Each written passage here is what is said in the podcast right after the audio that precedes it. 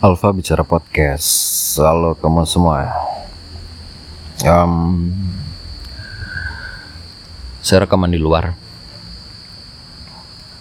Hmm, nggak tahu kenapa banyak rasanya tuh kalau misalnya udah lama nggak cerita, nggak lama ngobrol sama orang yang pengen kita ajak ngobrol tuh numpuk di hati, numpuk di kepala. Rasanya tuh banyak banget cerita yang pengen diceritain, tapi nggak tahu kadang. Kalau udah ketemu orangnya udah ketemu pihaknya gitu nggak tahu apa yang mau diceritain. Kadang-kadang lebih banyak diemnya diem-dieman entah itu kehabisan bahan entah itu pengen menikmati menikmati waktu berdua aja gitu. Um, ya rindu itu berat. Seperti kata Dilan dan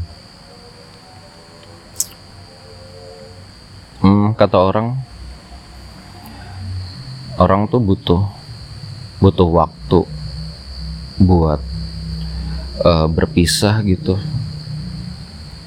Untuk menikmati untuk menikmati untuk mengukur memberi jarak agar agar nggak bosan agar agar ada rasa rindu atau enggak gitu. Kata orang butuh butuh sesuatu. Nggak selalu harus intens. Nggak selalu harus ketemu. Nggak selalu nggak selalu harus berbicara gitu. Um, kalau saya sendiri secara pribadi kehadiran orang tuh kehadiran orang yang pengen kita pengen kita harapkan kita harapkan dia hadir di hidup kita di setiap waktu kita itu berharga bang.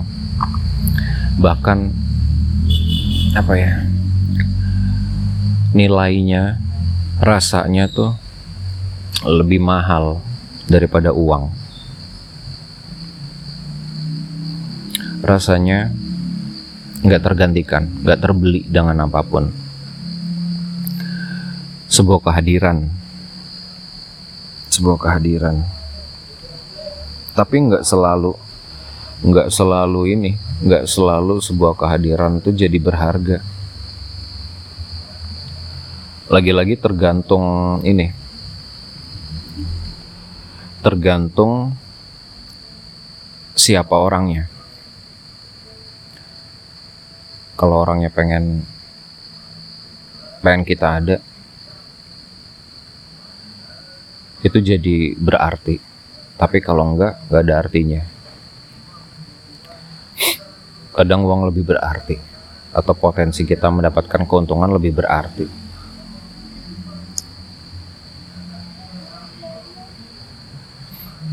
Hmm. atau contohnya gini deh beberapa orang yang udah nggak ada yang udah meninggal. Kalau orang itu berarti banget buat kita kita pengen aja deh buat nuker waktu kita entah beberapa detik satu detik aja buat dia hadir buat kita bisa ketemu atau paling nggak saling senyum atau cerita gitu. Uh, atau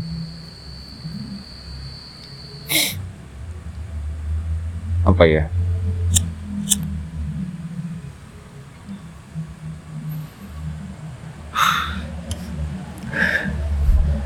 Atau misalnya kita rindu kamu rindu tuh sama seseorang yang dulu pernah deket atau mantan pacar kamu atau siapa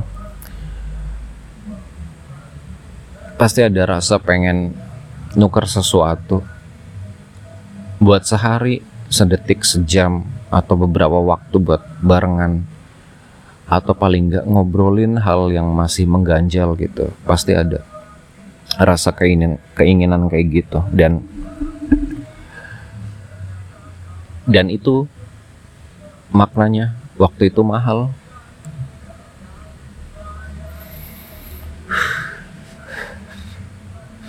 Atau dari ini deh ada yang bilang orang yang udah mati. Itu sampai mohon-mohon sama Tuhan buat nuker waktunya satu hari sedetik atau satu jam aja buat balik lagi ke dunia gitu. Buat melakukan ibadah atau kebaikan. Paling nggak sebentar aja buat dia ngelakuin ke kebaikan yang kayak gitu-gitu. Tapi nggak bisa. Karena udah nggak bisa ditukar dan that's mean waktu itu mahal. Waktu itu mahal. Kehadiran itu mahal. Tapi kehadiran yang hmm, sekali dua kali waktu itu masih terasa mahal. Tapi kalau udah berulang-ulang tiap hari tiap bul sampai berbulan-bulan bertahun-tahun ada rasa bosan. Dan kadarnya nilainya itu pasti turun. Kayak misal kita setiap hari waktu zaman sekolah masuk sekolah masuk sekolah tiap hari awal-awal masuk sekolah itu masih excited. Uh, lalu kemudian kita kenal sama teman-teman baru kita belajar hal baru kegiatan yang baru sama teman-teman yang baru orang yang baru awal-awal masih oke okay, tapi lama lama kelamaan setahun itu masuk pertengahan tahun kedua udah mulai bosen tahun ketiga udah mulai bosen dan malah excited buat keluar buat mencari hal baru yang lain gitu. Tapi ketika udah uh, berjalan waktu sekian lama ada masanya kita kangen balik lagi ke zaman sekolah rutinitas yang kita lakuin selama sekolah waktu dulu. Ya kayak gitu. Waktu ada di saat itu di momen itu mungkin nggak ada artinya. Mungkin artinya tuh kecil. Tapi ketika udah terlewati udah nggak ada. Maknanya nilainya tuh jadi lebih besar. Naik lagi nilainya.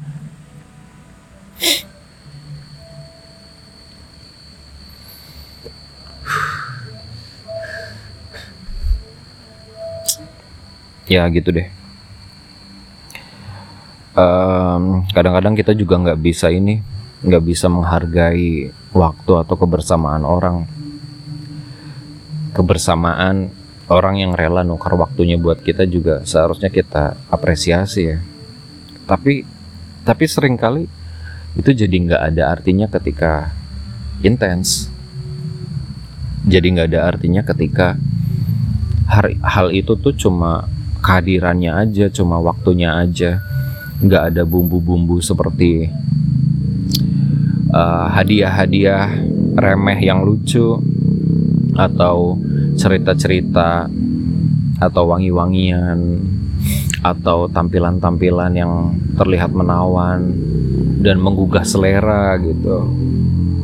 Kalau nggak ada atribut-atribut itu, hiasan-hiasan itu rasanya nggak ada artinya. Orang hadir cuma hadir doang, nggak bawa apa-apa mungkin kayak gitu. Ya bisa jadi sih. Bisa jadi hal yang salah juga ketika kita nggak bisa ngasih sesuatu yang orang tersayang kita butuh gitu. Kita cuma ada tapi nggak bisa nolong kita cuma ada tapi nggak bisa ngasih apa-apa itu juga kurang tepat juga. Ya memang harus balance sih apa-apanya harus seimbang. Tapi ketika hal yang dinilai yang diukur itu hanya dari materi hal-hal terukur. Hmm, nggak ada yang salah tapi mungkin nggak bijak menurut saya. Uh,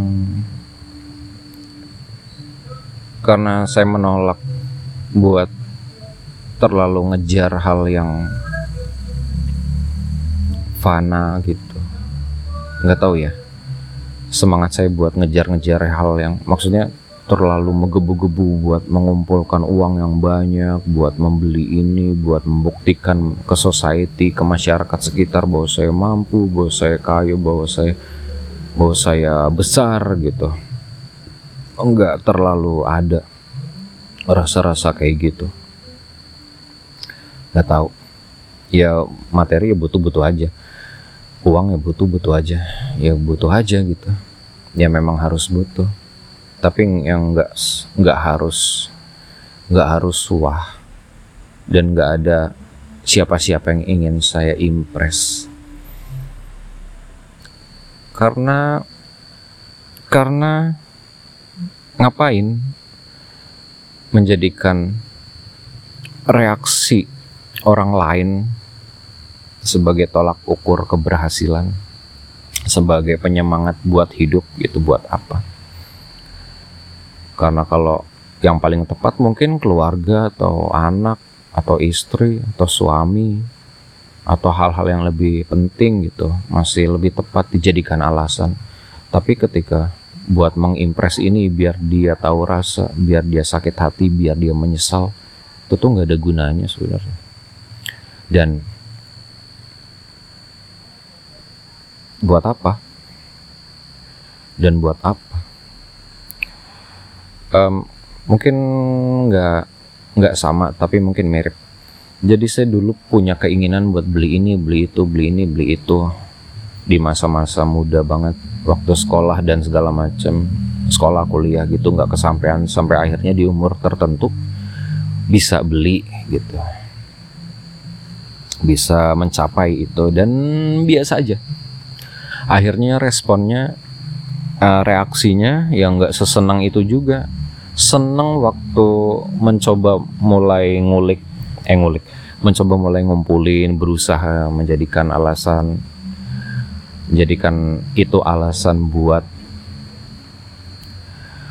alasan buat mencapai sesuatu. Itu rasanya menyenangkan tapi ketika udah sampai di tujuannya udah sampai ke goalsnya biasa aja ternyata nggak sesenang itu. Lebih menyenangkan pas prosesnya gitu merasakan karena belum dapat apa yang diinginkan gitu.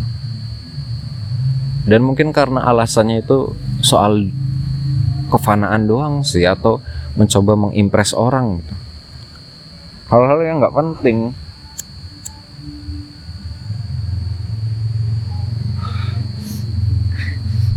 akhirnya merasa tidak terlalu nikmat ketika sudah berhasil mencapai itu semua. Uh, dan karena ya saya bukan orang berlebih gitu, jadi saya mencoba untuk tidak menilai orang tuh dari pencapaian duniawinya, bahkan dia anak siapa, punya harta seberapa atau bisa dapat apa dari apa itu nggak peduli selagi dia baik uh, mau berbagi cerita mau saling nemenin mau mau berteman mau uh, mau nerima gitu ya, ya oke okay. tapi kalau dia nggak mau atau dia mengharuskan uh, mensyaratkan sesuatu harus sesuai sepadan dengan apa yang uh, dunianya kini itu dunianya kini raih gitu harus orang kaya harus harus pendidikannya minimal S1 gitu. Enggak sih enggak gitu sih konsepnya. Bertemannya sama siapa aja sih. Mungkin bersahabat lebih dalam gitu mungkin harus pilih-pilih karena nanti berpengaruh juga ke kita. Tapi kalau berteman ya sama siapa aja. Dan gak bijak juga untuk menilai orang dari materi materinya gitu karena selalu nggak nggak semua kerja keras itu menghasilkan hasil yang diinginkan. Nggak semua harapan dan mimpi itu terwujud. Kita juga nggak tahu latar belakang orang lain gitu. Bisa jadi dia kelihatan sepele melakukan pekerjaannya menjadi seorang apa gitu. Tapi kita nggak tahu benar-benar karena kita nggak kenal juga kita nggak tahu latar belakangnya dia seperti itu atau mungkin dia punya mimpi apa dulunya sampai akhirnya untuk nggak melanjutkan mimpinya gitu. Kita nggak pernah tahu latar belakang orang kan dan kita juga nggak punya hak untuk menghakimi orang tersebut atas kemalangan hidupnya atau kekurangan materinya atau derajatnya gitu. Ya kalau kata orang derajat orang di mata Tuhan itu. Soal keimanan dan segala macam ya mungkin itu di mata Tuhan tapi di mata manusia sendiri di mata society bisa jadi enggak. Orang yang punya harta lebih banyak itu bisa lebih dimungkinkan untuk dihormati dan dipercaya omongannya daripada orang yang miskin walaupun omongannya nggak tahu benar atau salah atau misalnya kualitas dirinya itu lebih baik yang mana mungkin lebih baik yang miskin bisa jadi. Kalau kamu mau tahu kalau kamu kenal Pramudia Anantatur penulis sastrawan dia punya adik. Dia punya adik dan masih hidup sampai sekarang. Uh, dulu dia itu dokter atau profesor yang ngambilnya ya dia tuh kuliah di luar negeri di masa-masa orang perang di masa-masa orang berkonflik. Dia tuh masih masih sempat punya kesempatan buat kuliah di luar negeri buat studi di luar negeri. Entah itu di Belanda atau di mana saya lupa. Dan kemudian dia pulang dan sekarang apakah dia menjadi orang yang besar dengan harta yang banyak rumah megah dan segala macam nggak juga dia tetap yang menulis juga. Tapi dia memilih hidup sebagai pemulung gitu. Karena menurut dia ya bukan menurut saya menurut dia memulung itu pekerjaan yang lebih mulia daripada yang lain gitu dan tidak merugikan siapa-siapa menurut dia kayak gitu. Jadi dia menghidupi dirinya dengan memulung. Sambil berkarya. Ya mungkin karena pemahaman apa ya filosofis orang beda-beda kedalamannya dan segala macam sudut pandang yang mereka ambil. Dan itu sah-sah aja. Dan untuk berbeda sudut pandang cara pandang hidup filosofi hidup orang itu ya nggak apa-apa sah-sah aja. Bisa jadi orang yang berpendidikan tinggi yang kita lihat kita anggap berpendidikan tinggi entah itu sampai S1, S2, S3 atau guru besar. Bisa juga disandingkan opininya sama orang yang mungkin SD aja nggak lulus. Tapi kan lagi-lagi bukan soal tingkatan sekolahnya dia sampai mana sebenarnya tapi sampai mana dia mau belajar. Dan sejauh sejauh mana dia belajar entah itu belajar langsung dari orang atau di lembaga pendidikan atau lewat hidup gitu. Uh, kalau kamu tinggal di daerah mungkin beberapa orang di daerah bisa membaca ini kayak membaca alam membaca situasi. Orang-orang dulu udah bisa memprediksi kapan waktunya buat nyari ikan kapan waktunya buat menanam padi. Uh, harus setelah panen itu harus ditanam apa dulu biar tanahnya itu bagus atau segala macam gitu ada perhitungannya. Dan dia di, mereka itu dapat dari mana? Nggak ada sekolah tentang itu mereka membaca dari nenek moyang. Mungkin nenek moyang membaca dari mana? Nggak tahu juga. Dan intinya nggak nggak pada nggak pada lembaga pendidikannya sampai mana tapi lebih ke orangnya kita secara individu mau belajar apa enggak kita mau ngulik apa enggak mau nyari sendiri atau nyari uh, ilmu dari pengalaman orang lain gitu. Karena pengalaman orang lain itu tuh shortcut juga buat kita, insight kita. Karena kita nggak mungkin menghabiskan kesempatan gagal atau kesalahan kita itu semuanya. Umur kita terlalu singkat. Jadi shortcutnya adalah belajar dari pengalaman orang lain. Nggak harus selalu 100% dipercayai, tapi ya cukup bisa dipertimbangkan dan gak ada yang salah.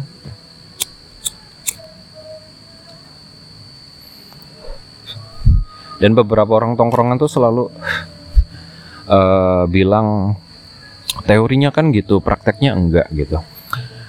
Padahal bisa jadi mereka tuh bukan bilang teori tapi hip hipotesa dugaan awal gitu. Teori itu menjadi teori ketika dugaan awal itu sudah diuji sudah ada data lalu dihitung datanya apakah ini ada korelasinya ada hubungannya atau enggak gitu. Akhirnya menghasilkan teori. Dan teori itu pasti nanti seiring waktu akan diuji lagi dengan teori atau hipotesa baru apakah masih relevan atau tidak gitu loh. Kadang-kadang orang salah salah memaknai teori kayak gini nggak selalu teori dengan kenyataan itu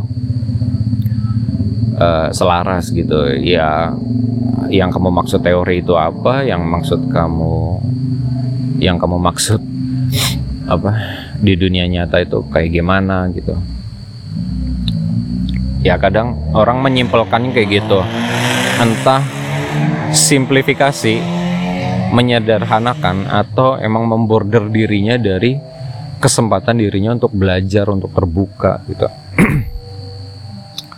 Um, saya udah 30 tahun dan ada ada rasa-rasa pertambahan usia yang menyebabkan kadang-kadang ini bahaya. Kayak sindrom orang-orang yang udah mulai memasuki usia lebih tua gitu merasa sudah pernah menjalani masa-masa mudanya, udah pernah merasa udah pernah punya pengalaman banyak gitu. Mulai mulai menjadi orang orang yang kolot. Mulai menjadi orang yang kaku yang nggak mau menerima masukan atau perkembangan keadaan dunia sekitar dari orang yang lebih muda kadang-kadang. Oh nggak bisa. Kalau menurut saya kayak gini ya sebenarnya diskusi itu nggak apa-apa tapi kalau dilandaskan pada rasa kan kita rasa itu nggak bisa kita tahu kadang orang tuh uh, dia mencoba untuk berargumen tapi tertutup gitu. Jadi diskusinya itu bukan mencari sebuah titik temu tapi mencari mana yang lebih kuat saya apa kamu gitu. Itu kan jadinya nggak bagus dan nggak menghasilkan apa-apa kecuali ego dan rasa sakit hati dari yang kalah gitu mungkin.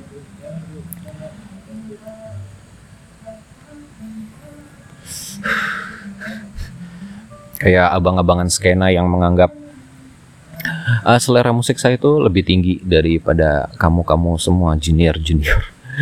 Uh, pengalaman dan pengetahuan musik saya itu lebih banyak daripada kamu-kamu semua gitu. Kamu tuh belum seberapa dan genre yang paling yang paling bagus, yang paling sempurna itu genre ini. Genre ini. Genre yang kamu uh, mainkan, yang kamu pilih itu nggak ada apa-apanya musik kamu kayak gitu itu kan ada abang-abangan skena yang kayak gitu tuh. Dan biasanya dia nggak tuh nggak ke mana-mana hidup hidup dari cerita masa lalunya doang gitu.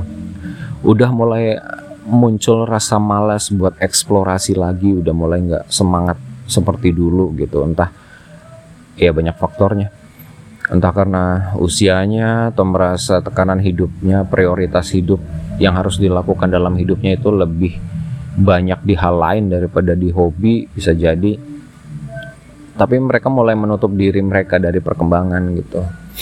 Dan itu sangat menyebalkan bagi anak-anak muda. Dan kadang siklusnya itu berputar. Dulu waktu kita muda kita menganggap orang-orang tua itu kok kolot gitu. Kita ajak ngobrol gini katanya nggak boleh gini nggak boleh gitu salah segala macam. Dan tanpa sadar ketika kita beranjak menuju usia tua kita berlaku uh, memperlakukan sifat sikap yang sama itu ke yang muda gitu.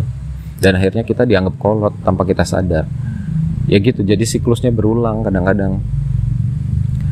Dulu kita nggak suka sama orang tua kolot kitanya kolot. Kita yang jadi nggak disukain sama orang muda sekarang gitu. Dan itu menyebalkan. Jangan pernah jadi abang-abangan skena yang kayak gitu. Yang mungkin menganggap underground metal itu lebih keren daripada pop gitu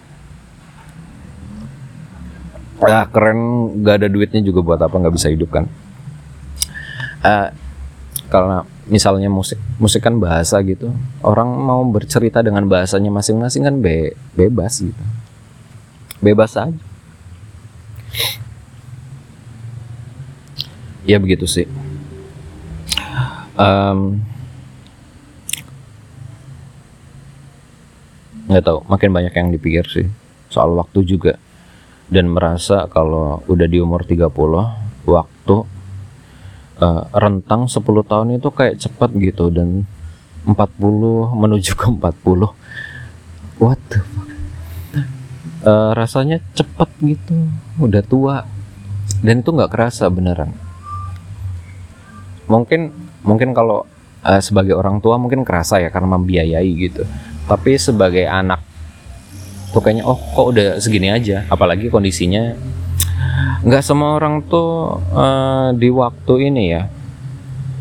Nggak semua orang tuh hidup berjalan di waktu sesuai dengan yang sosial eh so, apa yang sesuai dengan masyarakat terapkan gitu. Misalnya nikah under 30 kerja habis habis SD SMP SMA kuliah terus kerja gitu. Nggak semua orang tuh hidup dalam standar standar uh, society. Kadang ada yang enggak gitu. Kayak saya kayak saya belum nikah juga. Nggak jadi akhirnya. Dan sedikit banyak itu membuat uh, membuat tekanan dan cara pandang terus berkembang gitu. Yang tadinya harus begini harus begini jadi nggak harus nggak ada yang harus nggak ada yang harus kecuali bersemangat menghadapi kenyataan dan hidup gitu. Karena selagi selagi waktu jalan kita juga harus jalan. Selagi masih dikasih kesempatan kita harus masih nyari kesempatan yang lain. Dan harus selalu harus selalu nyari kesempatan kesempatan yang ada ngambil kesempatan yang ada. Kadang-kadang kita minta kesempatan tapi kita nggak sadar bahwa yang dikasih ke kita itu kesempatan sebenarnya. Kita nggak sadar. Kayak ada jokes ketika ada satu orang yang lagi ngambang di lautan dia doa sama Tuhan bahwa e, Tuhan tolong selamatkan aku. Terus kemudian ada ada kapal lewat terus dia nawarin buat mau nggak aku tolongin gitu? Kamu mau naik nggak gitu? Nggak Tuhan yang bakal tolong aku. Sampai ketiga kalinya kayak gitu dan akhirnya dia nggak bertahan lalu mati. Di surga dia tanya e, Tuhan kenapa saya nggak ditolongin? Lah itu saya tolongin lewat orang-orang yang nawarin kamu buat numpang di kapalnya kayak gitu. Kadang-kadang kita nggak tahu pertolongan Tuhan tuh uh, seolah-olah kayak kalau kita minta duit tiba-tiba besok langsung ada duit turun dari langit atau tawaran tawaran duit dan segala macam padahal proses buat ke situnya mungkin bisa jadi panjang dan tanpa kita kita sadari gitu kita ngerasa lagi nggak ngelakuin atau mengarah berjalan menuju ke situ padahal itu bisa jadi ke situ Mm -mm.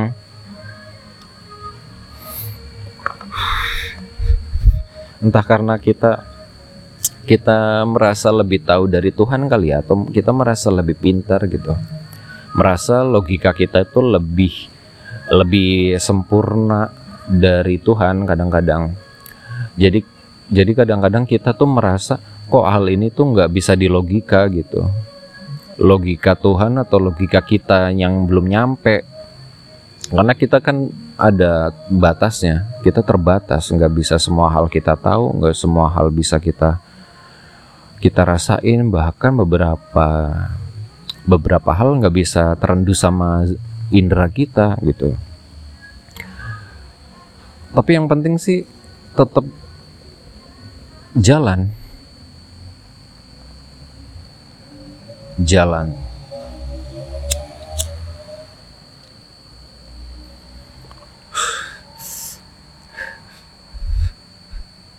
Oh ya, kamu uh, kamu mengalami hal apa hari ini? Apakah hal sedih atau hal yang bikin semangat atau hal yang cukup meresahkan atau atau malah menyenangkan gitu? Hmm, semoga sih menyenangkan selalu. Menyenangkan selalu dan menjadi sesuatu yang yang membahagiakan harinya kamu?